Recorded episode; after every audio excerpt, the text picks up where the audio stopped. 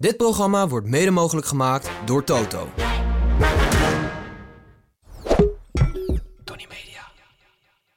PSV met de beentjes omhoog langs Heracles.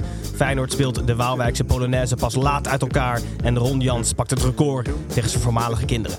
Verder hebben we te maken met het wellicht Arno Vermeulen effect in Alkmaar. Speelde er eindelijk weer eens een club met bluff en brani in Amsterdam. En verandert horrorclown Pastoor in een kliniekclown. Tijd voor een nieuwe aflevering van de derde helft.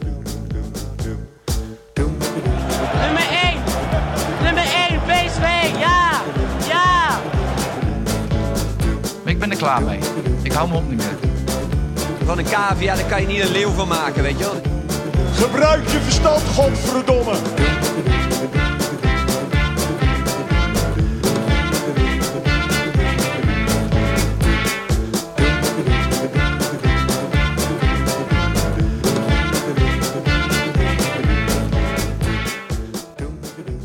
Goedenavond kijkers van de YouTube livestream en hallo luisteraars van de podcast. Ik ben Gijs en welkom terug bij weer een nieuwe aflevering van de derde helft. Nog steeds de Eredivisie podcast waarin we de gehele speelronde nabeschouwen. Alle negen teams, eh, alle 18 teams moet ik zeggen, alle negen wedstrijden. En zoals altijd worden de amateurs, Tim, Pepijn en ik, vergezeld door een professional vandaag. En de professional is niemand minder dan Kees Kwakman. Welkom Kees. Goedenavond, jongens. Superleuk dat je er bent Ja. op de maandagavond. Ehm, voor de mensen die je niet kennen, ik ben voormalig profvoetballer van Volendam, Groningen, RBC, NAC Breda, FC Augsburg en natuurlijk de Bitfest Wits. Eh, Uiteraard. wie kent ze niet? Eh, Ik dacht dat je 2000 daarmee begon. Ja, ja. voornamelijk de Bitfest Wits. Eh, in 2018 zette fysiek ongemak een punt achter jouw carrière als voetballer, waarna je carrière als analyticus bij ESPN begon. Eh, ja, Fox eigenlijk, toen de tijd. toen de tijd Fox, inmiddels ESPN. Eh, naast je fysieke ongemakken en RBC-verleden heb je nog meer dwarsverbanden met Pepijn. Jullie houden namelijk allebei ongelooflijk veel. Jullie houden allebei verschrikkelijk veel van tennis. Eh, jij waarschijnlijk iets meer van, moet ik dat uit- goed uitspreken, Per, per Murray? Benoit Per. Benoit Per, dan Jij Pepijn. weet echt helemaal niks van Nee, nee, nee, nee, nee, ik heb het Dat is wel fantastisch. Ja, nou goed, we hebben veel dwarsverbanden hier aan tafel. Ehm, en voor de mensen die je denken te kennen, hebben we een rubriek. Komt die scoop? Waarin wij altijd een vraag stellen aan de gast waarvan wij bijna ze echt zeker weten dat die nog nooit gesteld is aan je. In dit geval, Kees, is de vraag: als er een examen voor analisten komt, wat moet het belangrijkste onderdeel zijn? Dit was echt een goede vraag. Het is echt, denk ik, de beste vraag die ik ooit heb gehad. Dat kan ik echt wel zeggen. Nee, je zit niet eens zomaar aan de tafel. Nee. Dat merk ik gelijk al, ja. Dus eh, nee, is echt een goede vraag. Ehm, Maar ik weet het niet. ja. Nee, nou ja, kijk, kennis, ja, weet je, wat, wat, is, wat, wat is kennis en wat is verstand van voetbal? Dat, dat is natuurlijk heel lastig te staven, ook bij een analist. Want eh, wat ik vertel, dat kan jij wel eh, hè, goed vinden of leuk vinden, maar een ander kan denken, nou, die nou zegt, daar klopt helemaal niks van. Dus dat vind ik altijd moeilijk om eh, taal, laten we dat ook maar niet doen, want ik, ik gooi er nog wel eens wat Volendamse woorden tussendoor, dus ik zou daar zelf niet voor slagen dan in ieder geval. Ik denk dan toch ehm, toewijding. Dat, dat, dat vind ik in ieder Hmm. geval wel heel belangrijk. Maar hoe je dat in een examen verpakt, dat vind ik ook moeilijk. Gewoon feiten, feitenkennis. Ja, maar ook niet echt. Want je hebt natuurlijk ook wel...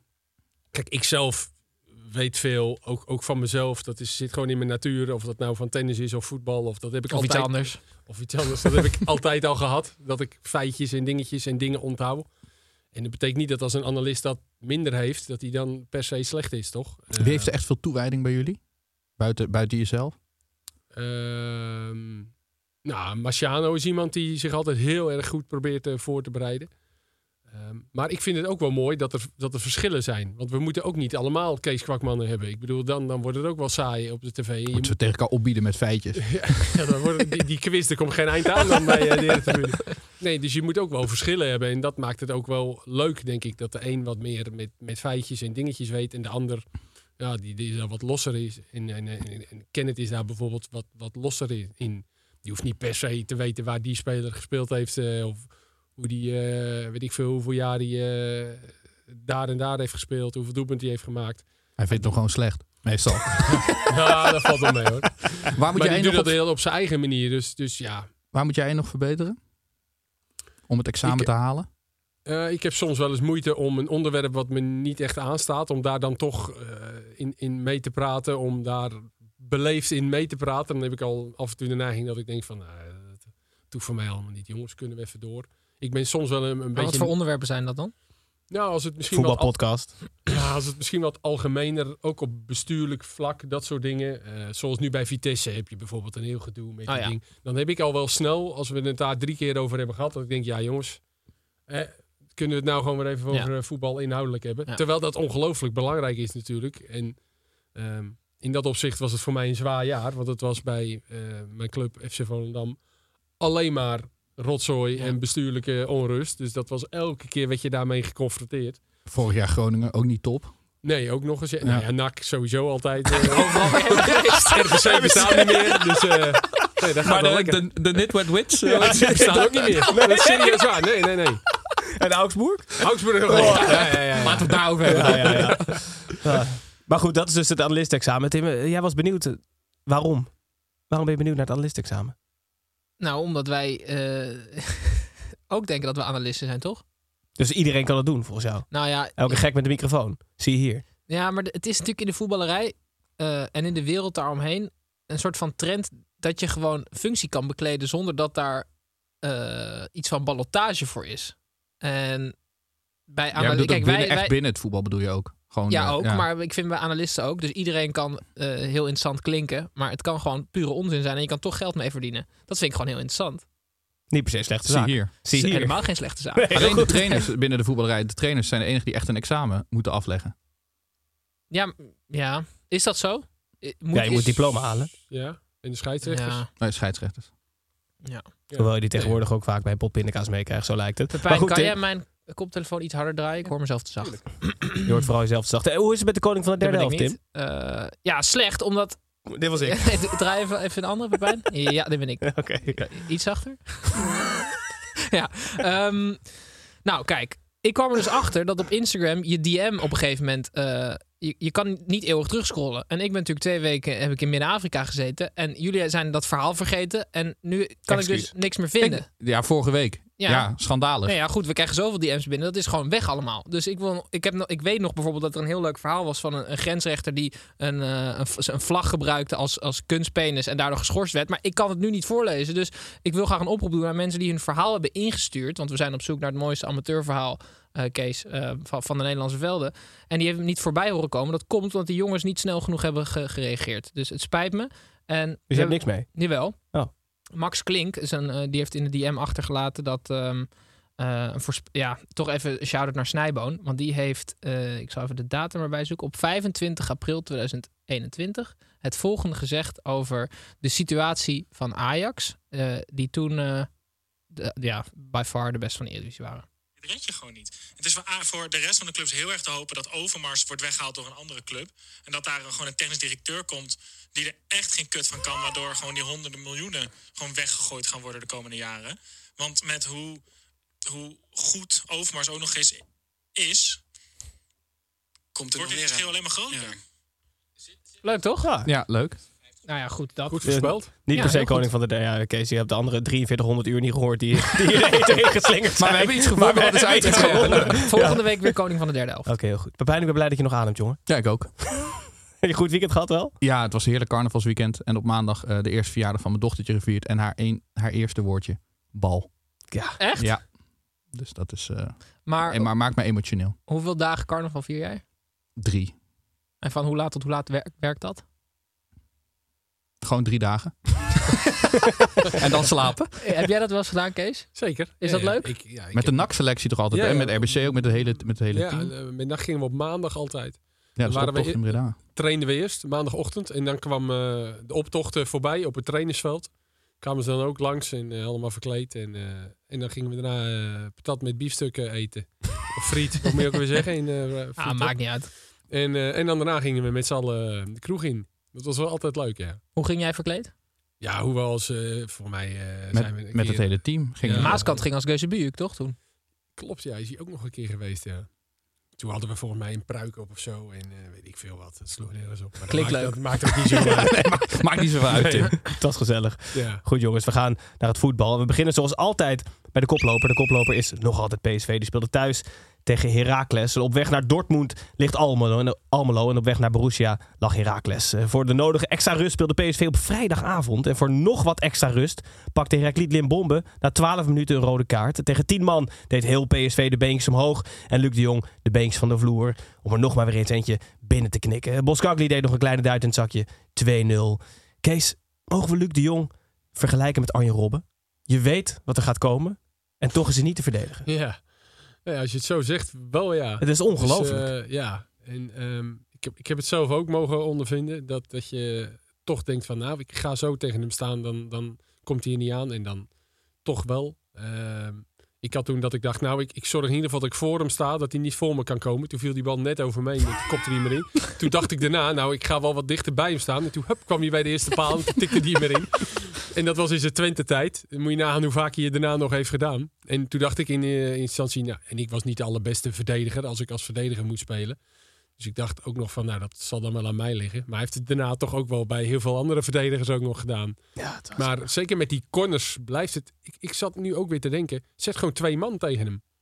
Zet gewoon eentje die gewoon met hem meeloopt en die andere die hem misschien probeert te blokken. Ja, want meestal doe je dat niet omdat er dan een andere speler vrij is. Maar dat maakt in het geval van Luc de Jong niet zo heel veel Nee. uit. Als Luc de Jong maar Ja, niet precies. kan Nee, koppen. precies. En eh, bij PSV, het is nou ook niet dat ze heel veel andere koppers hebben. Ramaljo is over het algemeen ook wel een goede kopper die zich daarmee bemoeit. En Maar zijn het dan twee of meer die die nodig heeft? nou, ik zou beginnen met twee, want het is nu vaak één. Ja, maar dan heb je dus al een tegengoal. Hè? Als je twee niet zeker weet. Dus misschien drie beginnen en dan afbouwen. Ja, of vier. Ja, Ja. nou, met twee moet het ook Het is toch wel, vet als eh, je vijf man op Ramaljo en vijf op de Jong. En dan voor de rest iedereen vrijlaten. Ja, Nee, het, is echt, het is echt waanzinnig. Hij Ja. kreeg zijn kop weer vier, vijf keer tegen een bal Ja. aan. Wat ook zomaar een doelpunt had op kunnen leveren. ook die Echt- één op de lat dan Ja. weer, weet je. Dan, dan, Maar kop is wel een van die dingen die je ja. net als vrije trappen nemen, denk ik, tot redelijk late leeftijd goed kan. En ik denk ook dat ervaring bij koppen veel belangrijker is dan, nog, dan hoe, hoe flexibel en hoe lenig je bent. Ik denk en dat dit knapper is dan wat Robben doet. Want je hebt toch ook altijd op training dat je dan zegt koppen is twee doelpunten. Weet je wel? Ja, ja, ja. Je zegt nooit naar binnen komen in de kruising jassen is Bij twee PSV doen ze een half doelpunt bij koppen. Ja, precies. Nee, maar ik, het- ik denk dus dat hij... is- Want ik had niet het idee dat hij in zijn Twente-tijd dat het zo'n kopper was.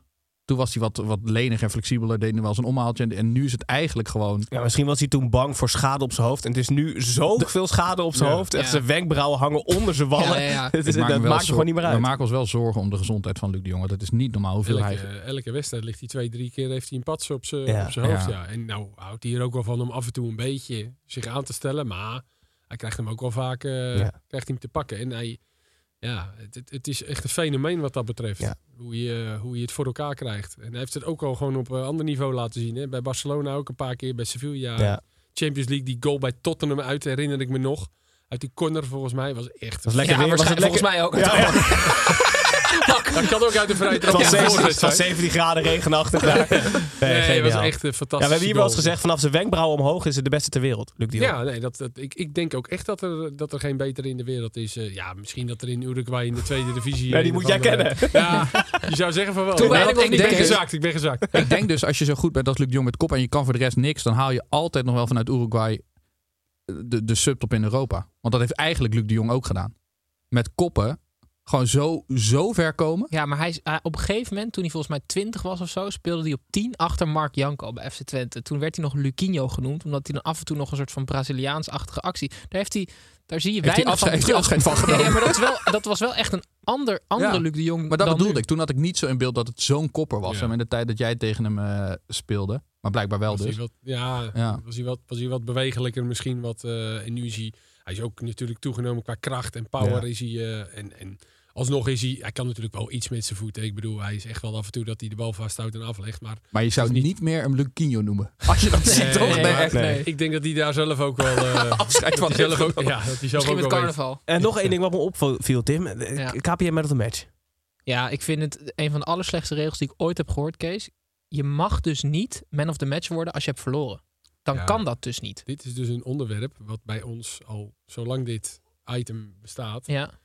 Onderling een dingetje is. Maar het is natuurlijk een sponsor item.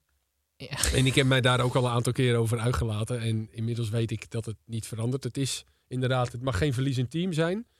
Ehm, Maar dat de- is toch krankzinnig, of niet? Ja, je hoeft je niet uit te spreken. Als niks zeggen is akkoord. Ja. Knipper, knipper twee keer. Intern weten ze wel hoe ik erover denk. Eh, het heeft dan met statistieken te maken. Ook eh, vaak, hè. Met, eh, ja, maar ja, de goed. helft is Opta-statistiek, geloof ik. En je hebt natuurlijk met eh, thuis, degene die stemt, Dus daar heb je ook mee te maken. Ik was een keertje bij een wedstrijd Excelsior AZ. Een paar maanden geleden. Toen kwam Lachdo er in de 60ste minuut in. Die maakte de 0-1. En die werd in de 70ste minuut weer gewisseld. Geblesseerd. Man of the match. Lachdo. en het werd 1-1. Die wedstrijd ook nog op het allerlaatst. Nee. Maar, en ik was... eh, laatst was ik bij eh, Almere Excelsior. En dat werd 2-1 voor Almere. Eh, wie scoorde eigen ritmeester van de kamp. En Excelsior die, die spits. En, en die, eh die Racing en kopbal. Man of the match, Joey Jacobs. Toen kreeg ik daarna een bericht op Instagram. Van een vriend van eh, Joey Jacobs. Of een familielid. We hebben met z'n allen op Joey Jacobs gestemd. we hebben, al- heel we hebben vet. allemaal op Joey gestemd. Ja. Dus ja, het is ook... eh, ik denk dat we het vooral niet te serieus moeten nemen. Het is een item dingetje. En aan het eind van dit was het weekend maken wij altijd een dingetje ervan. Dat we iemand kiezen. Over het algemeen kiezen we dan wel een goede man van het weekend. Vind ik altijd iemand Ja. die drie keer heeft gescoord. Of een keeper. Of, Ja. En gewonnen eh, heeft. En gewonnen, en gewonnen heeft, ja. Ja, als je Ja. dus 4-3 verliest en je hebt er drie gemaakt. Ja, ik vind het echt eh, onzin. Duidelijk. Eh, PSV won gewoon met 2-0. Want het ging over die keeper van Herakles. Even, Ja. Dat was eigenlijk Ze de... hadden 39 doelkansen, geloof ik, PSV. Hoe heet die Michael Brouwer? Michael Brouwers? Ja, ja. Maar, Ja. ja, Ja, Brouwer, fantastische wedstrijd. Absoluut. Hij verloor Voor wel ons? met 2-0. Man of the match. Ja, duidelijk. Gaan we door naar nummer KPN man of the match. Nummer 2 is Feyenoord. Feyenoord speelde thuis tegen RKC. RKC liep de hele week de Polonaise na de overwinning in het carna- carnavalstenu van vorig weekend. Eh, na een vreemde rode kaart voor fase trokken 10 Waalwijkers de Polonaise op voor het doel in de Kuip. En het lint hield heel lang stand. Maar in minuut 84 speelde Feyenoord de Polonaise dan toch uit elkaar. 1-0. Tim. Het is geen vreemde rode kaart. Nee, je hoeft ook niet die jingle in te starten. Ah. Jawel, doe even. Doe even. Nee, nee, nou nee. ja, ik wil op zich wel in het leven roepen dat als de VAR het zeker weet, Nieuwe dat ze, het gewoon regel? even uit, nee, als, dat ze het gewoon uitleggen aan het volk. Ik heb net namelijk op Twitter nog weer gekeken. Er was een of andere eh voetbalnerd die hem op 25 eh, snelheid, 0.25 Ik heb het ook heeft afgespeeld. En eh, het is gewoon hens. En ik kan het nu ook uitleggen, want die bal die gaat omhoog en die gaat vervolgens naar beneden. En dat kan niet als hij tegen de zijkant van fase aankomt, tenzij die die soort van die eh, rugspieren van Cristiano Ronaldo heeft, Ja. die die niet heeft. Dus het is gewoon hens. En dan erger ik me nog veel meer aan Etienne Fase, die vervolgens zegt: ik lever mijn tas in. Als, het, als deze niet geseponeerd wordt, Dan moet je het nu doen dan ook. moet hij nu zijn tas inleveren. Heeft hij echt gezegd? eh, Zeker. Ja, ja, ja. Dus hij En, moet zijn en tas het wordt niet geseponeerd, want hij heeft één wedstrijd, eh, Daarom. één wedstrijd Dus hij moet zijn tas inleveren. Maar ze gaan wel in beroep. Ja. Dus hij mag hem nog heel even houden. ja, hij wil heel graag Of misschien moet hij hem inleveren, krijgt hij hem misschien Nee, terug. maar ja, ja, Maar ik- dit was dus hetzelfde met die eerste goal van Ajax. eh, Tegen Heerenveen? tegen NEC. Oh ja, ja. Dat die, eh Banel schiet die bal omhoog. ja. En die bal die gaat naar Ja, beneden. maar gaat Robbie die- heeft die rugspieren van Ronaldo. maar dat, dus dat kan niet dat hij alleen op de heup kwam van Robbie. Ja. Want die bal, anders schamt hij hem. Ja. Dit was precies hetzelfde. Ja. Het ene kon nog zijn dat het de arm De van Sandler, dat van zei ik ook. Het kan ook nog de arm van Sandler zijn. Eh, ik denk ook dat de VAR het gewoon niet helemaal 100% kon zien. En daarom liet hij het ook gewoon zo. Ja. Ik, Maar- ik vind dat ook wel gewoon goed hoor. Want dit is... Maar Hens. dat- Ja, zijn armen zitten gewoon naast zijn lichaam. En, eh, Wat? Van Fase? nee, Nee, bij, Robbie. bij ja, Robbie ja, en. Sandler. Dus Maar het lijkt me toch zo leuk als er gewoon een soort van VAR-journaal komt aan het eind van, van Eredivisie Weekend. Dat gewoon die VAR komt uitleggen. En dat die gewoon iedereen op Twitter gewoon de, mo- de mond snoert. Dat lijkt me Ik heb altijd wel het idee als dan van Egmond gebeld wordt, dat dat zo'n soort van de, de, de Griekse ko- koning is die dan zo met zijn duim zo omhoog of naar Ja, dat, beneden gaat, doet. dat doen we niet meer, hè? Dat, eh, dat vonden ze de scheidsrechters toch niet leuk. hoor. Nee, maar Oh, dat snap ik. Dat je baas wordt gebeld van had hij eigenlijk wel gelijk. Dat is natuurlijk ontzettend pijnlijk. Ja. Ja, nou goed, hij kreeg in ieder geval wel een rode kaart. En blijkbaar gaat hij in het beroep voordat hij zijn tas inlevert. Pepijn, eh, slot en scheidsrechters het blijft toch wel ingewikkeld. Ja, ik geniet er wel van, want hij, Slot is natuurlijk heel erg handig met, met de pers en dergelijke. En die zegt altijd, ik wil het er natuurlijk niet over hebben. En ik ga het er ook niet over hebben. En dan gaat hij het er wel over hebben. En dan draait hij het altijd zo dat hij zegt... Ja, we hadden nu een keertje geluk. Maar ze hebben Ja. natuurlijk heel vaak geluk. Maar als je maar vaak genoeg blijft zetten van... Het zit mij nu eindelijk eens een keertje mee. Dan krijg je zo'n beetje... Hij, hij heeft het zo fantastisch aangepakt. En eigenlijk doen al onze, onze toptrainers eh, doen dat natuurlijk. Behalve... Nou, van het schip moet ik nog even bij het omgekeerde psychologie leren kennen. Toptrainer, zei je toch? Ja, nou, van de top, eh, de Oh. traditionele top drie. Maar Top drie, Bos, zei je Bos toch? is er natuurlijk... traditionele. Maar Bos is er natuurlijk een ster in om zeg maar, de omgekeerde psychologie. En, en Arne Slot vind ik ook al met die scheidsrechter dat ik denk... Ja, en zelfs als er dus een wedstrijd is zoals donderdag tegen AS Roma. Ja, de scheidsrechter, nou ja, oké, hij, hij- hij was niet geweldig. Die gele kaart van Minté sloeg nergens op, kreeg op advies van de vierde man. Maar voor de rest had die scheidsrechter was niet echt prima, zesje. invloed. En zelfs dan gaat Maar- hij er dus iets over Ja, zeggen. maar na dat wil hij eigenlijk niet. Hij wil het er eigenlijk niet over hebben.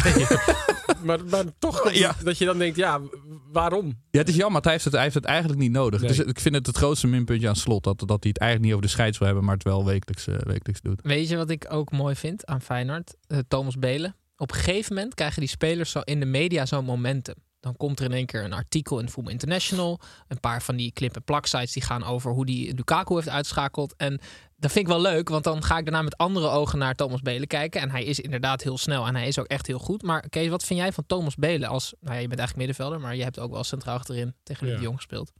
Ehm, hij begon bij. Hij, hij was is eigenlijk middenvelder. Of tenminste, daar begon hij bij Eigenlijk PEC. als jij een beetje. Ja, hij was echt meer een zes. Zeg maar een controlerende middenvelder. Ik, ik was echt meer een linker middenvelder ook naar voren toe. Heel logisch dat ik heel vaak ook centraal achterin Ja, ik wilde net zeggen. Maar goed. Eh, en hij is daarna door Dick Schreuder en Johan Plat bij PEC is hij eh, in een driemansverdediging centraal gezet. En daar heeft hij zich ontwijs goed ontwikkeld. En vanwege zijn snelheid hebben ze hem ook gewoon gezegd... ja, jij moet gewoon centrale verdediger worden. Want dat is zo'n wapen dat je hebt. En Feyenoord heeft hem ook op die manier eh, opgepikt. En ik vind het volkomen logisch dat hij gewoon even tijd nodig heeft gehad. Hij heeft een paar keer gespeeld. Wel eens wat ongelukkig eh, af en toe. Ja, en nu, eh, nu staat hij er als het nodig is. En ik vind het een hele interessante speler. Ik vind het dus altijd leuk als spelers er niet uitzien als topvoetballers. Ja. Jiménez is, is natuurlijk gewoon een, Ja. knappe man. Ja, Thomas Belen, voor, ook voor sommige mensen een knappe man, maar heeft niet een soort van ziet er gewoon ja, uit als, als, als, een, als een schooljongen Ja, als een student, ja. vind, vind ik heel leuk als hij dan Lukaku uitschakelt. Ja, en dat is denk ik ook wel zijn voordeel wat hij, eh, wat hij heeft. Dat hij niet snel onder de indruk is. Een normale, nuchtere jongen. En ja, het, het wachten is natuurlijk dat het zo direct misschien een keer wat minder gaat met hem. Hoe hij daarop reageert. Dan krijgt hij natuurlijk de kritiek bij een topclub. Maar volgens mij is dit een jongen met enorm veel potentie en eh goede investering. Zo, ik, ik zit in één keer te bedenken. Jij bent naar achter gegaan. Ik denk, volgens mij hebben we ooit, ooit tegen elkaar gevoetbald. Jij vroeg net, wie is die Veerman eigenlijk? En toen dacht ik, volgens mij hebben we ooit tegen elkaar gevoetbald. Dus ik zoek op eh, FC Groningen Helmond Sport en ik open de link. En dat zijn wij. Oefenwedstrijd. Oefenwedstrijden. Hoezo herken je hem niet, Kees? Toewijdingen? Ja, jongens. Ja, echt in je broekzak. Ben uit je broekzak gehaald die avond. FC speelt Helmond Sport van de kastje naar de muur. Oh, Tadic was ziek, lees ik hier Ja, al. Ja, dan, eh, En dan oh, dacht- goed. dan Had ook altijd wat, die Tadic. hè? Oh, wat heel vet, Ja. hè? Oké nou. Heel Zo, goed. Ongelooflijk. Maar Puim zei gewoon het opnemen. Ja, sorry. Ja, ja, sorry.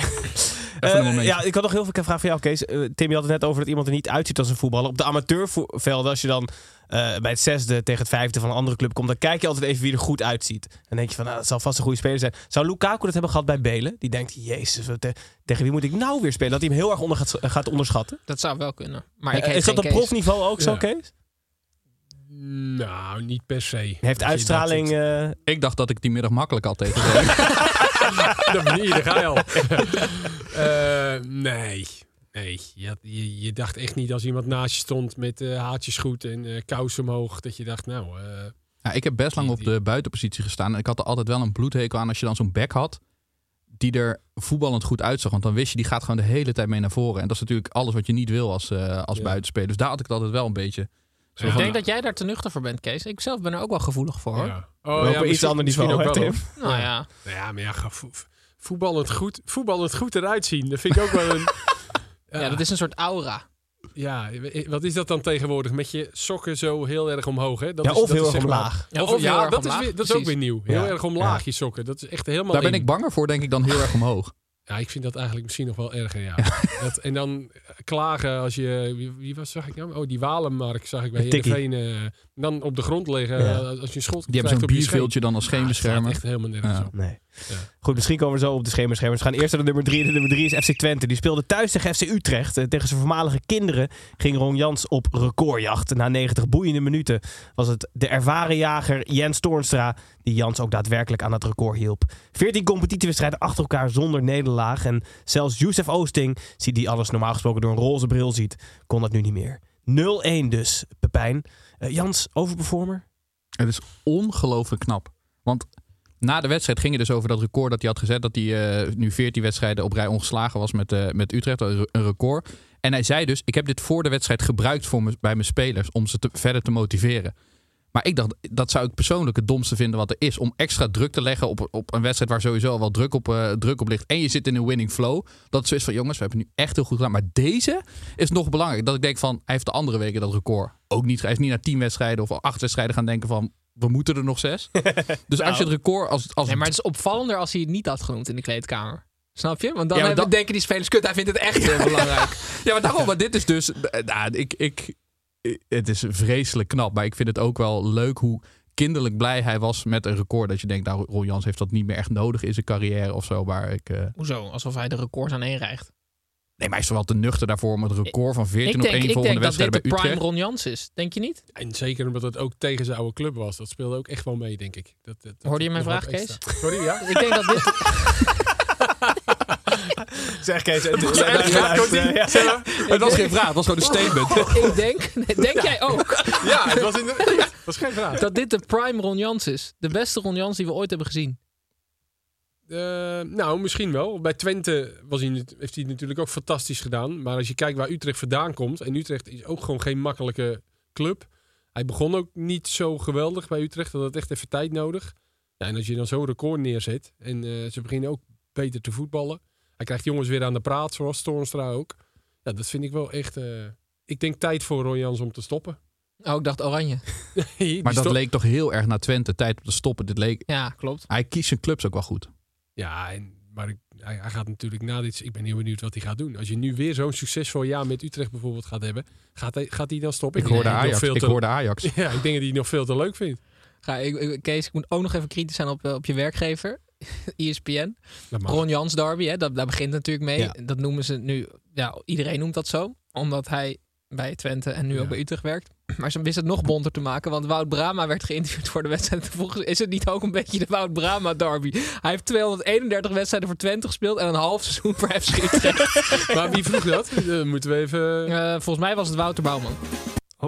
Oeh, ik ben wel fan van Wout. Ja, maar misschien was het, eh, was het een gebbetje. Maar bijna elke Er zijn al veel wedstrijden Ron Jans derbies. Ja, dus zeker. deze ruil je dan in voor Wout Brama. En als het Central Coast Mariners Jong Twente is, is het ook Wout Brama derby. ja, heel Dat wordt lastig. Say hello to a new era of mental health care. Cerebral is here to help you achieve your mental wellness goals with professional therapy and medication management support. 100% online. You'll experience the all new Cerebral Way, an innovative approach to mental wellness designed around you. You'll get a personalized treatment plan from a therapist, prescriber, or both in a safe and judgment free space. Your cerebral therapist or prescriber will outline a customized plan with clear milestones along the way so you can get to feeling your best. With Cerebral, you're not alone in your mental health journey. We're here to empower you to live a fulfilling life. So take that first step towards a brighter future and sign up today at cerebral.com slash podcast and use code ACAST to get 15% off your first month. Offer only valid on monthly plans. Other exclusions may apply. Offer ends July 31st, 2024. See site for details. Ja, Goed jongens, Eh, Utrecht pakte dat record door met 0-1 te winnen bij Twente. Maken wij een uitstapje naar buiten de lijn. Edwin, Kevin hier, buitenspel. Ik hoor je nu voor half. Stel op eens. Oké, Edwin. Edwin, buitenspel. Buitenspel, Kees. Neem in ieder geval Tim en Pepijn wat mee van buiten de lijnen. En mag inbreken als je ook iets van buiten de lijn hebt. Tim, je hebt je mooi opgeschreven zo te zien. Dit is Kees, echt- wel luisteren hè? dit, dit is leuk. Dit is leuk. Afgelopen weekend zijn er voor het eerst in de geschiedenis meer toeschouwers naar wedstrijden in de Bundesliga 2 gegaan dan in de Bundesliga 1. Wauw. Interessant, hè? Ja, ja, ja. Eh, en dat heeft te maken met het feit dat de topclubs... Bundesliga 1 speelde niet. Nee. De, de, de topclubs speelden eh, veelal uit. Verre uitwedstrijden in, met, met, met vliegtuig. Dus eh, minder uitfans. En ehm, clubs als Hertha en Schalke speelden allemaal thuis. En eh 261.099 toeschouwers naar eh Bundesliga-wedstrijden. 284.633 in de Bundesliga 2. Dat is gemiddeld 31.626 Kanonnen. per wedstrijd. Ongelooflijk. Wat een Ja. competitie. Dat is toch geniaal? Ja. Ja, het is allemaal begonnen toen in 2010. Bij 11 Augsburg. Ja. Toen, toen begonnen ze te komen. Hoe groot is dat stadion eigenlijk? Ja, dat, daar zullen er ook wel 30. Ja, 30, ja 40. denk ik wel. Ja, ja. Het- ze speelden eerst in zo'n heel oud stadion met de Sintelbaan. Dus ik was blij dat ik eh, net daarna kwam. En toen eh, gingen we in het nieuwe stadion spelen. Mooi stadion hoor. Prachtig. Dus dat eh, gepromoveerd en sindsdien spelen ze Bundesliga. Augsburg. Fundament Even is- op de kaart gezet. Het fundament is Zeker. gelegd. Hè? Nou, ja, ja, ja, ja, Ja. Heel goed. Pepijn? Ja, er is eh, afgelopen woensdag... Heb je weer een foto? Hier staan wij op de dijk.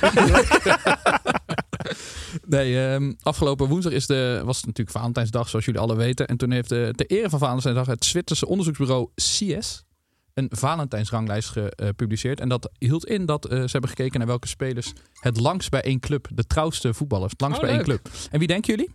Bram van Polen. Sjaak Zwart. Ja, hoe ver Nee, gaan we terug? eh, Actueel. Op dit Thomas. Müller. Staat op de lijst. Even kijken. Staat Bram van Polen ook op de lijst. Hoogst geclasseerde Nederlander. Met 17 seizoenen geloof ik. eh. Achter elkaar dus. Totti? Carvajal. Oh, die- eh, hij Nee, moet nee actief, spelen. actieve spelers. Carvajal. Nee. Anki, Anki VF. Oh, Oh, Ene- ja. 21 seizoenen. Speelt nog steeds. Ja, en Utsiev die nog bij? Akmat Grozny. En Ali Kassai van Al Jazeera Club. Ehm, 19 seizoenen bij een werkgever. En nou, dan dus Bram van Polen met 17, eh, met 17 stukken. Van de vijf grootste competities in Europa, daar staan Thomas Müller en Janschke bij München Gladbach. Ah. Op lijst met allebei 16. eh, Zeer leuk. 16 seizoenen. Oké. Gaan we terug naar binnenlijn, jongens. Naar Fortuna Sittard tegen AZ. En normaal gesproken gedijen blobvissen uitstekend onder grote druk. En deze versie uit Alkmaar liet de druk wel heel erg hoog oplopen. Pas in de laatste minuut prikte de gespierde blobvis Dani de Wit de, de 1-2 binnen. Zo hebben we officieel te maken met het wellicht Arno Vermeulen effect. En wint AZ voor het eerst sinds twee maanden 1-2. Eh, Pepijn, we kunnen grappen maken over genieten en 69, maar wat een minuut. Het, was al, het had alles. Ja. Het, eh, sc- scrimmage, dit is, dit is eredivisie voetbal. Eigenlijk is het eerste divisie voetbal. Maar het is leuk als het op het hoogste niveau, eh, op het hoogste niveau eh, eh, gebeurt. Wat ik nog mooier vind aan wat er in de eredivisie allemaal mogelijk is... is dat Arno Vermeulen natuurlijk... eh, Vandaag las ik weer eh, dat hij weer had gereageerd. het ze, ze zeggen toch wel eens dat zaakwaarnemers, echt goede zaakwaarnemers... die brengen altijd geruchten de wereld Ja. in. En dan wordt dat inderdaad opgepikt zoals Tim net zei. En dan is het in één keer een soort van voldongen feit dat er interesse is. Ik heb het idee dat Arno Vermeulen zijn eigen campagne heel sterk aan het voeren is. En als hij maar gewoon vol blijft houden, is hij in één keer een hele serieuze kandidaat. Nu gaan wij het er serieus over hebben. Van, eh, Kees, denk jij dat het eh, zou Dat kunnen? die een goede optie zou zijn. ja. Ik heb geen enkel idee. Ja, maar jij, jij, kent, jij kent de voetbaljournalistiek en je kent de voetballerij. Heeft dat iets met elkaar te maken? Nee, maar dit is dus precies wat, wat hè, over. Er is dus geen opleiding voor algemeen directeur. Nee. Dus iedereen kan zich aanmelden. Ja. Ook Arno Vermeulen. Ja. En misschien gaat hij het wel hartstikke goed doen. En Ik ben er benieuwd, zou er dat echt zo... Er komt natuurlijk een sollicitatieprocedure, de laatste waarschijnlijk door zo'n extern bureau uitzetten. En dan kun je solliciteren. Maar dan ben ik benieuwd, schrijft hij dan zo'n motivatiebrief van... Ik ben heel goed in dwarsverbanden leggen. Zie maar dit, dit, dit- weet je wel, ik vraag me af hoe dit gaat. Zo'n procedure verder. Hij Ja. kan gewoon solliciteren Hij zei zelf natuurlijk wel van. Ze, ze weten mij wel te vinden. En ze weten natuurlijk wel. Hij plaatst zich boven de sollicitatieprocedure. Ja, hij eh, kan bij de NOS. Hij zit nu denk ik ook steeds dat interview van hem bovenaan de NOS-site. Zegt hij- Geeft die opdracht. Arno Vermeulen, serieuze optie. En weer nieuw, opnieuw vernieuwen. Hup, weer bovenaan. Hij, hij geeft dus heel vaak commentaar bij AZ. Vind ik best raar. Hij, hij komt dus uit. Hij, eh, hij is fan van AZ. Hij Ja, komt dat, uit dat die, vind ik dus eh, heel raar. Dat dat dan mag. Ja, nou weet ik niet. Ja. Ja, en wat hij ik ook was- raar vind. Hij was gisteren bij Ajax toevallig. Hij, wordt, hij, hij wordt, werd gebeld door de NOS studie- podca voetbal, voetbalpodcast, toch? Nee, hij werd gebeld door Studio Voetbal. Ja, wel NOS dus. Ja. Dus je moet je Hij voorstellen... belde zichzelf dus hij, eigenlijk. Nee, maar hij wordt dus door zijn werkgever gebeld. En waar, waarbij hij zegt dat hij eigenlijk naar een andere werkgever wil. Ja. Dan ben je dus wel onaantastbaar. Als je, Ja, ja, dat ben je heel vet. Vind ik ja, heel ja, goed. ja. Ja. Zou je blijft zelf, hij ook maar hij heeft zelf dat item er ook ingefietst. Van, misschien moet je Arno Vermeulen eens even bellen. Jongens, we hebben een nieuw item van ons nu. Bellen met... ik, heb toch, ik heb toch een gerucht gehoord? Nee, bellen met Arno. Dat is de rubriek. De rubriek is bellen met Arno. Ja, En dan alleen Arno's mogen ze bellen. ja. Volgende week Arno Arts. Arno Kamminga. Heel goed. We gaan het in de gaten houden. AZ won in ieder geval voor het eerst in twee maanden dus met 1-2. Gaan we door naar nummer 5 van de ranglijst als Ajax. Ajax speelde thuis tegen NEC. Een ploeg met Brani en Bluff in Amsterdam. Het moet als muziek in de oren klinken voor alle Ajaxiden. Het waren alleen zondag niet de Amsterdammers, maar de Nijmegenaren die lekker voetbalden in de arena. Ajax leek de overwinning wel over de streep te trekken. Maar een van de vele ex-Ajaxiden van NEC bezorgde de late assist voor de dik verdiende 2-2. Tim van Schip, hebben we het al eens over gehad. Wonderdokter of niet? Nee, eh, de mensen die fan zijn van John van Schip moeten even een secondetje of 45 doorspoelen. Eh, want hij is een amateurtrainer. Ik heb Nu namelijk... doorspoelen? Of... nee, nu zijn ze te laat. ik heb namelijk van John van Schip altijd het volgende gedacht. En ik vind het een hele lieve man. En hij, hij ziet er goed uit. Hij ziet er echt uit als een Ajax-trainer. Maar hij is... ehm, ik denk dat hij qua people management Champions League niveau is. Dus ik denk dat, dat dacht ik altijd. En tactisch eh, onderkant KKD. Dat was een beetje mijn analyse van John van Schip. Je wordt niet voor niets ontslagen bij PEC, et cetera. Ehm, nu heeft hij door, met die persconferentie... heeft hij eh, zijn hele people management skills voor mij gewoon eh, eh, het raam uitgeflikkerd. Want wat heeft hij gezegd? Hij heeft gezegd, ik werk met een selectie niet in balans is. Prima, dat wist ik. En daarom moet ik spelers opstellen... Vertel me eens wat nieuws. Zoals eh Banel en Linson op de, op de flanken. Ja, nou, daar, daar horen ze niet te spelen. Dat klopt. En je bent een trainer en je kan dus van formatie wisselen. Dat is het leuke aan een trainer. Dus je kan spelers namelijk wel in een kracht zetten. Je kan Kenneth Taylor wel goed instrueren, waardoor die niet uitgefloten wordt door die, door die fans. En hij zegt: nee, ik ga niet van formatie wisselen, want we hebben die structuur nodig. Welke structuur? Eh, Die, die verdediging is fucking Old Amsterdam nu. Dus ik bedoel, je kan toch gewoon die formatie aanpassen, zodat die spelers in hun kracht komen. Ik weet niet wat het Virus Maduro aan het doen is, maar daar hebben we het nu even niet over. Maar dat is een tactisch wonderkind voor zes ton bij Almere City weggehaald. Ehm, maar ik dacht dat, het, dat hij dus ook heel goed wa- was in people management. Maar ik vind het echt, eh, ik vind echt helemaal niet netjes hoe hij nu eh, met selectie omgaat. En ik hou niet van om negatief te zijn, Gijs. Maar ik kon even niet anders. Ik werk het. Ononderbroken. Betoog. Ja. Ik vond het ook wel opvallend dat hij dat nu eh, dat hij, dat hij, dat hij het zo expliciet zei. eh. Hij kondigde ook aan eventueel te gaan veranderen, toch? Met oog op donderdag. Ja. En misschien had hij dit nodig om... Kijk, het probleem is natuurlijk op het moment dat jij van, van formatie gaat wisselen of anders, dat heb je natuurlijk donderdag gezien. Dus donderdag besloot Ajax opeens tegen Beuden Ja. met eh, twee spitsen te gaan spelen. En dat betekent dan ook dat je met twee spitsen druk zet in een soort 4-4-2. Nou, daar hadden ze nog geen kaas van gegeten. En je kan dat eventueel doen als je veel spelers in het veld hebt die dat zelf wel kunnen regelen en, en bij elkaar houden en elkaar coachen. Maar dat heeft Ajax niet. Die hebben gewoon één speler, misschien Henderson. En voor de rest hebben ze geen speler die precies weet hoe Ja. je dat nou moet aanpakken. Berghuis ook. Maar goed, die, die, die staat dan wat verder naar voren. Dus dan heb je tijd nodig om dat allemaal te regelen. En dat heeft hij niet. Alleen, dan moet je inderdaad, als je dan kiest voor dat systeem met vleugelspelers, dan moet je niet na afloop zeggen: ja, ik heb geen vleugelspelers. Die moet ik er nu neerzetten. Dan, dan moet je inderdaad wat anders gaan kiezen. Met het risico dat het fout gaat, zoals tegen Beuden. En, en, maar dan dat moet je klinkt- niet nou, achteraf gaan zeggen: ik heb geen linksbuiten en hem wel opsteppen. Dus voor die stellen, is voor die Banel natuurlijk ook. eh, Het klinkt heel erg als een trainer die zijn eigen hachje probeert te redden. Maar dat hoeft John van het Schip helemaal Nee. niet. Want hij is aangesteld als, als een soort van Klopt. tussen, tussenpauze. En dan Alles denk je, boven de plaats 16 was goed. al, ja, precies. Hij heeft ze al gered. Dus helemaal prima. Ga voor die groep staan. En, en, en, en hou het positief ten opzichte Ja. van je eigen jongens. Dus dat snap ik er eigenlijk niet aan. Dat ik En denk er is van ja, niemand die nu eh, die roept: ja, deze selectie is echt wel. eh, hier kan je wel eh Ja, derde precies. makkelijk mee worden. je, onder, Ja. je, je underperforming, Nee. dat is helemaal niet zo. Dus het, het is, wat hij had kunnen doen is zijn positie in de kleedkamer nog veel sterker maken. Door voor al die jongens te gaan staan. En nu heeft, ja, ik, ik weet niet hoe hij eh, binnen gaat komen in de kleedkamer. Dat iedereen denkt van nou, nu gaan we eens even extra hard ons best doen eh, voor John. Maar- Tim, Ja. Ja? Nee, Nee. wat is er, Gijs? jij Nee. wilde eerst nog een punt maken waarschijnlijk. Een vlammend punt. Nou ja, Maduro is toch een tactisch wonderkind? Wat is er daarmee aan de hand dan?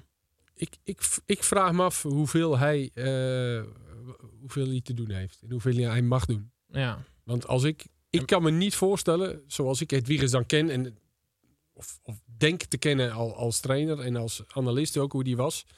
Kan ik me niet voorstellen dat hij het eh, al het hele seizoen. Dat, dat er zo'n potje van gemaakt wordt. Misschien moet, loopt alles via die gebied. Griek. Dus dat hij het gewoon verkeerd vertaalt. Dat Maduro zegt alles tegen die Griek. Precies zoals het hoort. En die Griek zit allemaal tegen Van Schip. Gewoon zo 4 3 John Banel linksbuiten. Ja. Ja, ja, dus ik, ik kan me niet voorstellen dat, eh dat Hedwiges hier heel veel over eh, Hmm. te zeggen heeft. Misschien zit ik mis. Ik heb het idee Ik dat- hoop het niet voor want anders Ja. is, er- is er ook niet. Dus eh, je Ja, hebt nou natuurlijk ook, en je hebt Bakati als eh, assistent. En, en die Griek is natuurlijk meegenomen door Van Schip. Ja. Dus die zal de eerste assistent zijn. Nou, dat bleek ook wel toen Van Schip er niet was. Ja. Dus ja, ik, ik, ik- mijn gevoel zegt dat, die, eh, dat, dat het een heel moeilijk jaar is voor uh.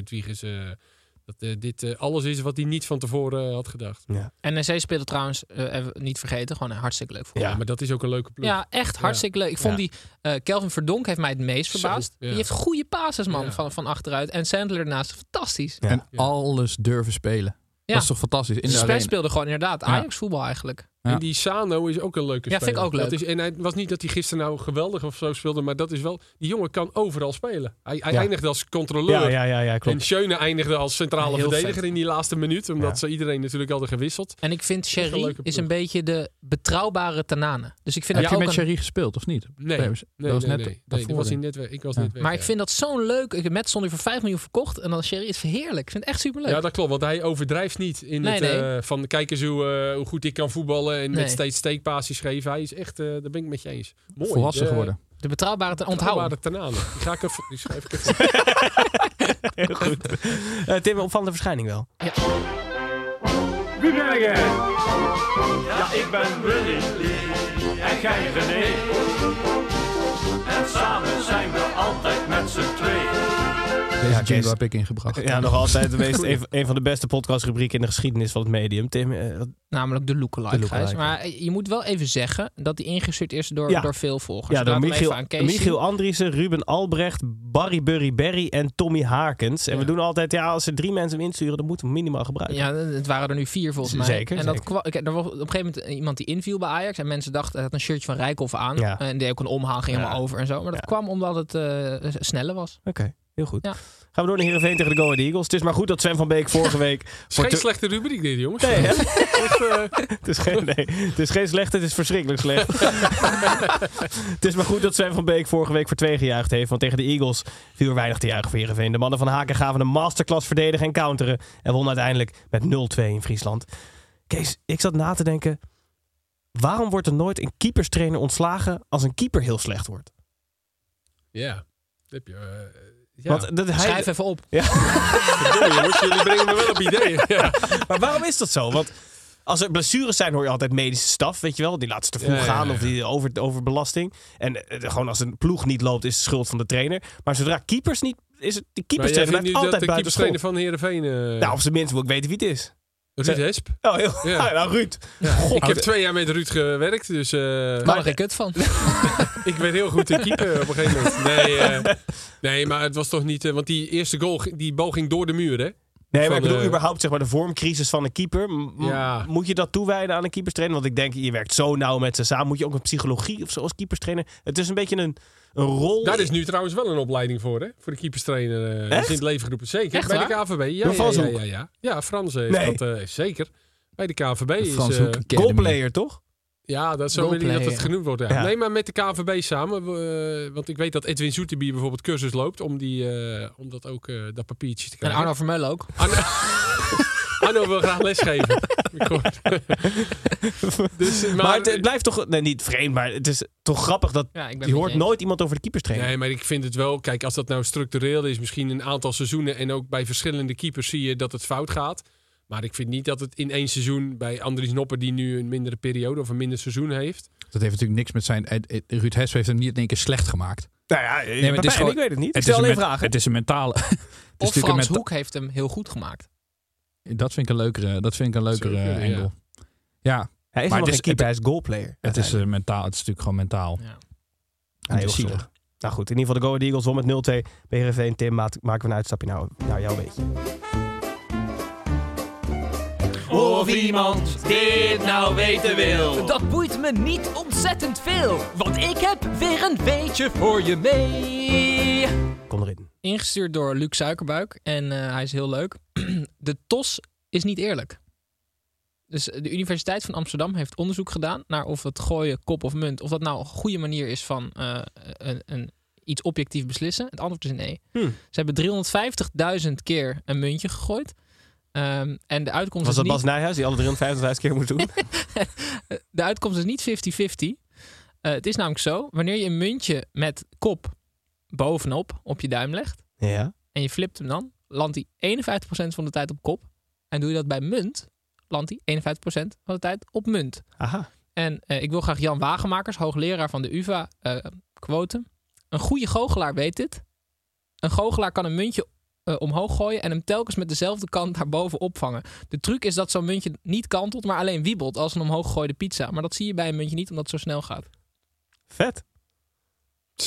Ja, oké. Schrijf ook maar even op. Ja, ja. Ja. Het woord perkament wat hij mee naar huis moet nemen zo meteen. Het is toch be- uiteindelijk best interessant. Dus wat we gaan krijgen is dat, eh, dat je dit krijgt. Eh, links of rechts. Ja, Ja, serieus. En dan een goochelaar, die is allebei weg. 2000. Zo'n bos bloemen. Ja. Nee, is PSV is ooit uitgeschakeld in 1969 op tossen. Dat is niet eerlijk. Nou, en je hebt natuurlijk, TOS is over het algemeen niet zo belangrijk. Tenzij er een, een penalty-serie eh, aan zit te komen. Dan heb je Zeker. vaak met achterdoel. Van Ja. wil je achter dat doel of dat doel. 67% kans toch als je begint. Dus als je dan mag beginnen met kop of munt en je ziet waar die mal op heeft liggen. Ja. Nou, Ja. hoef je mij eigenlijk niet eens meer te spelen. nee, nee. Oh, wat goed. Jezus. Dankjewel, Luc Suikerbuik. Ik- ja, Luc ja Ja, zeker. heel goed. Leuk. Gaan we door de laatste drie wedstrijden. We beginnen bij PEC Zwolle tegen Almere City. Horrorclown Pastoor wordt in mijn ogen steeds meer klinieclown. En laat zijn ploeg waanzinnig onorthodox spelen.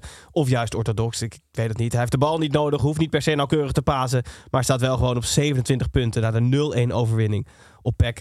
Pepijn, we moeten resultaatvoetbal toch gewoon lekker gaan omarmen. Wel als je records gaat pakken met resultaatvoetbal. eh, Almere City had een expected goal van 0,13.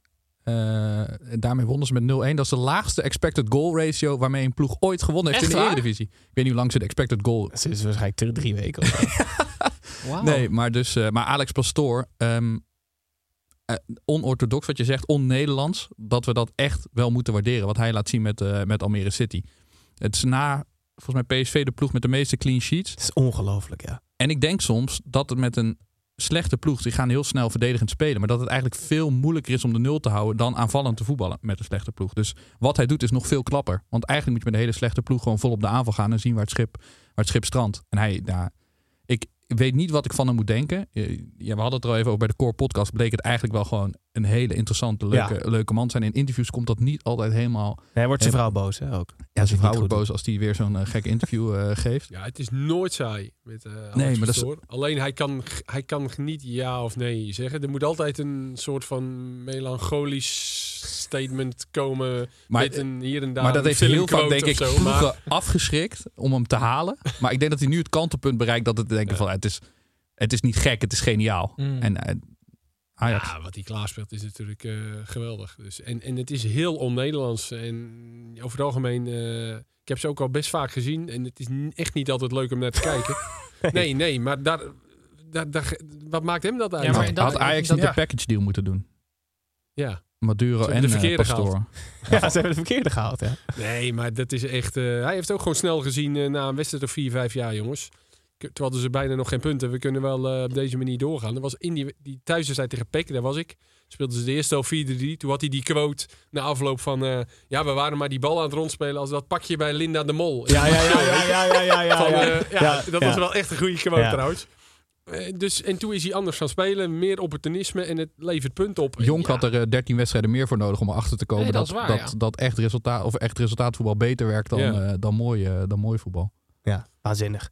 27 punten, staan op plek 11. Ehm, gaan we door naar Sparta tegen Excelsior. Sparta had vorige week ruzie met de ene en deze week met de andere buur. Vorige week was de ploeg van Rijsdijk tandeloos in de Kuip. Tegen Excelsior liet Rijsdijk bij 0-2 zijn voortand zien. Door Warmerdam, door Warmerdam in de eerste helft al te wisselen. De 0-2 achterstand werd uiteindelijk omgedraaid tot 4-2 in een heerlijke wedstrijd. Tim, wat viel, op, wat viel jou op deze wedstrijd? Ja, wedstrijd van de buitenspelers. Saito en eh Driouche. En ehm Saito heeft bewezen een topspeler te zijn en Driouche niet. En ik zal jullie uitleggen waarom. Ehm Saito, de actie van Saito, dat hij op een gegeven moment die bal terughaalt tussen twee man, vervolgens iemand door de benen speelt en dan rustig blijft, is voor mij het teken dat je een grote speler in ieder geval in spe bent. Want ik, ik denk dat veel luisteraars het zullen herkennen en misschien Kees ook wel. Als er in het veld, als je per ongeluk iemand door de benen speelt, gewoon dat, er iets, dat je iets goed doet, dan krijg je te hoog in je bol. Dan wil je daarna een beetje buitenkant voet een paas geven, weet je wel, dan gaat hij weer uit. Dus dat hij niet eh à la Robben in die korte hoek probeerde te jassen, maar met binnenkant zo afgaf Saito naar die En moet je geweldige actie. Tim dan nog publiek erbij wat opveert. Zo, ja, maar en echt. dat het Bart Vriends was aan wie je hem terug Nou ja, weet je, dan precies. je, ja, maar ja, moet ik dat nou wel... eh, maar ja, goed, ja, oké, hij is eh, ballon door potentie, Saito. nee, maar dat, dat vond ik echt een, een teken dat ik dacht van oké, interessant. Hij blijft dus ook na zo'n geniale actie gewoon rustig. Heel leuk.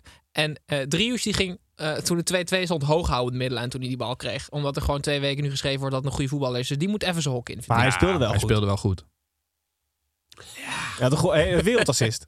Dat ja, maar zeker. hij krijgt het dus te hoog in zijn bol. Waarom ga je hoog houden terwijl 2-2 staat op de Ja. middenlijn? Ja, ga, ik vind dat gewoon raar. Dat heeft hij daarvoor ook nooit En misschien gedaan. denkt hij, net als Arno Vermeulen, ik moet Ja. blijven solliciteren.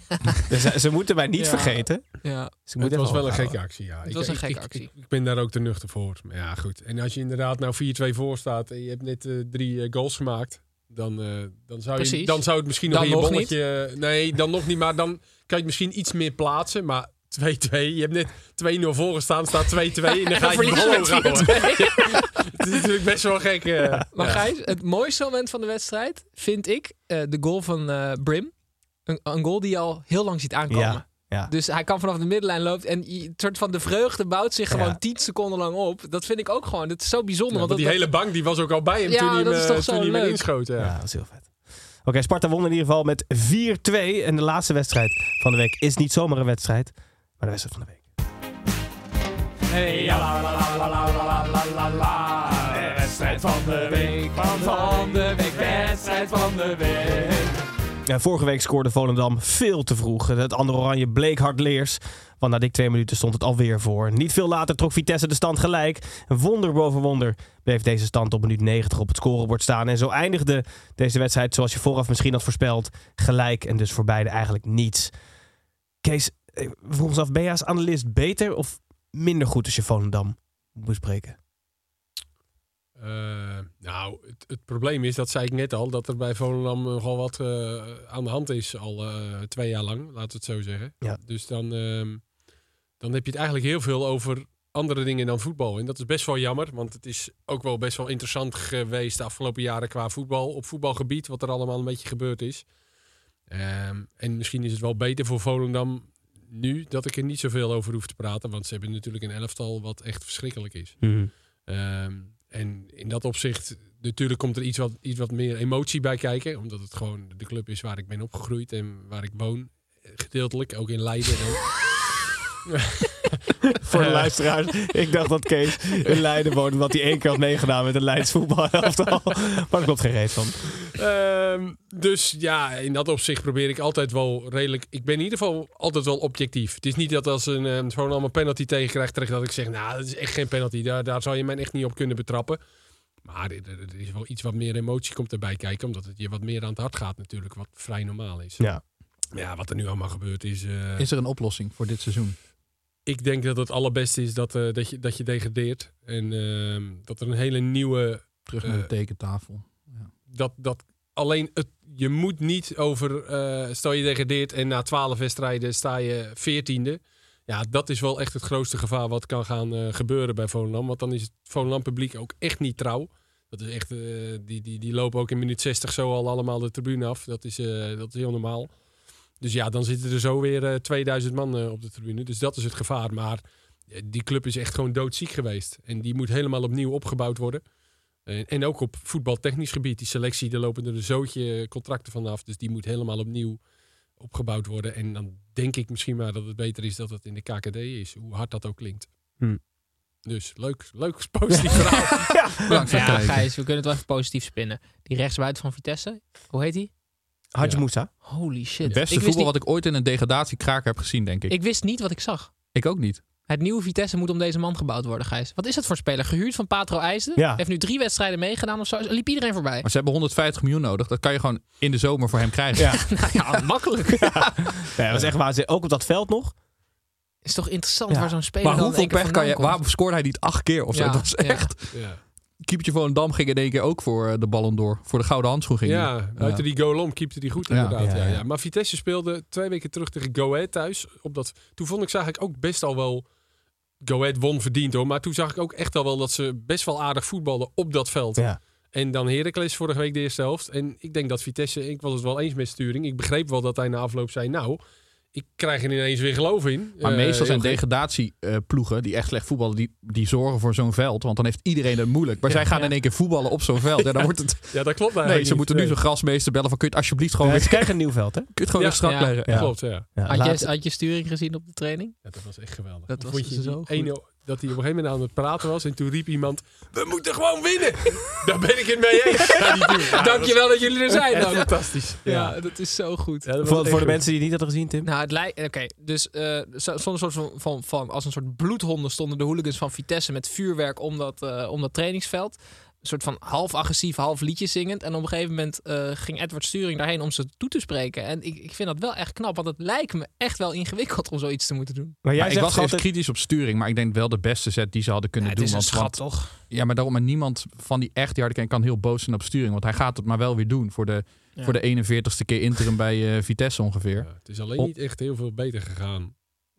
Qua, cijfers resultaten en dat niet. soort dingen. Maar ja, nu gaan ze opeens heel goed. Heel, ze gaan nu opeens eh, goed lopen voetballen. Ja, je hebt nog wel genoeg. Ik, ik denk dat ze het gaan redden. Vet. Gijs, wat wil jij zeggen? Jij kan toch sturen dat goed nadoen? Dus ik dacht, ja, je, Nee, pretendeert nee, altijd. nee, dus nee. ik Of kan- Tim, heet jij. Kom eens. Nee, ik heb, ik heb dit echt al heel lang niet meer gedaan. Nou ja, doe het dan niet. Maakt het niet uit. Lekker PSV. Ja, die ja, die ja. Dit is een fantastisch film. Die heb ik op mijn telefoon nog steeds. Het is echt Ik geweldig kan het wel film. proberen. ja, dit gaat natuurlijk helemaal niks worden. Lekker PSV! Hey! Dat had ook elke andere goed. willekeurige burger Ik kan, kunnen ik kan beter Kenneth Perez in ieder geval qua toon en timbre. Kan Ja? ik gewoon- Ja, ja, ja, ja. Snap je? Echt, precies.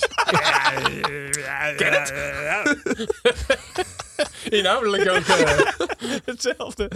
Oké, maar nou ja. Kees, misschien nog één inhoudelijke vraag voor jou. Eh, jij hebt gezegd dat je geen officiële functie bij Volendam wil. Nee. Ehm, waarom niet? Nou ja, sowieso gaat dat niet met, met, met het werk samen wat Ja. ik doe. Dus dat is heel eh, logisch. En ehm, ik vind het wel leuk om... eh, ik, ik, ben- ik heb jaren ook een jeugdploeg getraind bij de amateurs van Volendam. Dus ik loop echt wel bij de jeugd ook rond. En ik kijk af en toe een wedstrijdje. En eh, dat vind ik wel gewoon echt leuk om te doen ook. En als ze dan iets aan me vragen, geef ik, eh, geef ik wel mijn mening. Ja. Ehm, dat, dat, dat kan ik wel. Ja. Ehm, En dan krijg ik dan voor betaald op contract.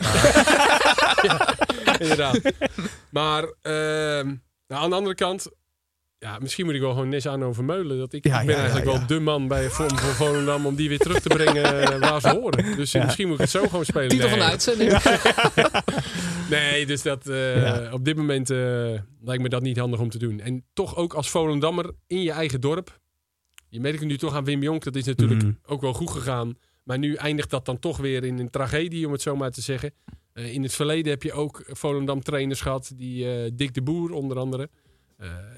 Trainer van Volendam. En dan hè, spandoeken in je tuin en dat soort dingen. Het, ik, ik weet ook niet of de familie er heel blij mee is Nee, als, ik, eh, als ik bij Volendam aan de slag ga in zo'n functie. Mm. Want het kan heel snel in het voetbal eh, vervelend worden. Ja. Dus ik zit wel op mijn plek. Oké. Dankjewel Kent Perez ook voor het aanschuiven hier. Wil je nog wat zeggen?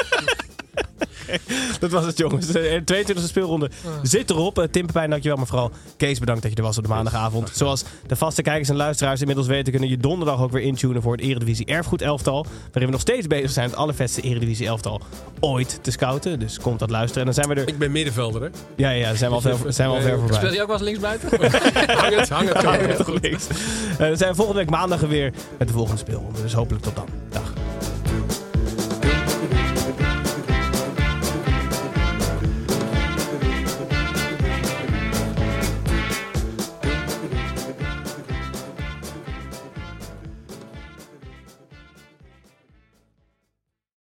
Dit programma werd mede mogelijk gemaakt door Toto.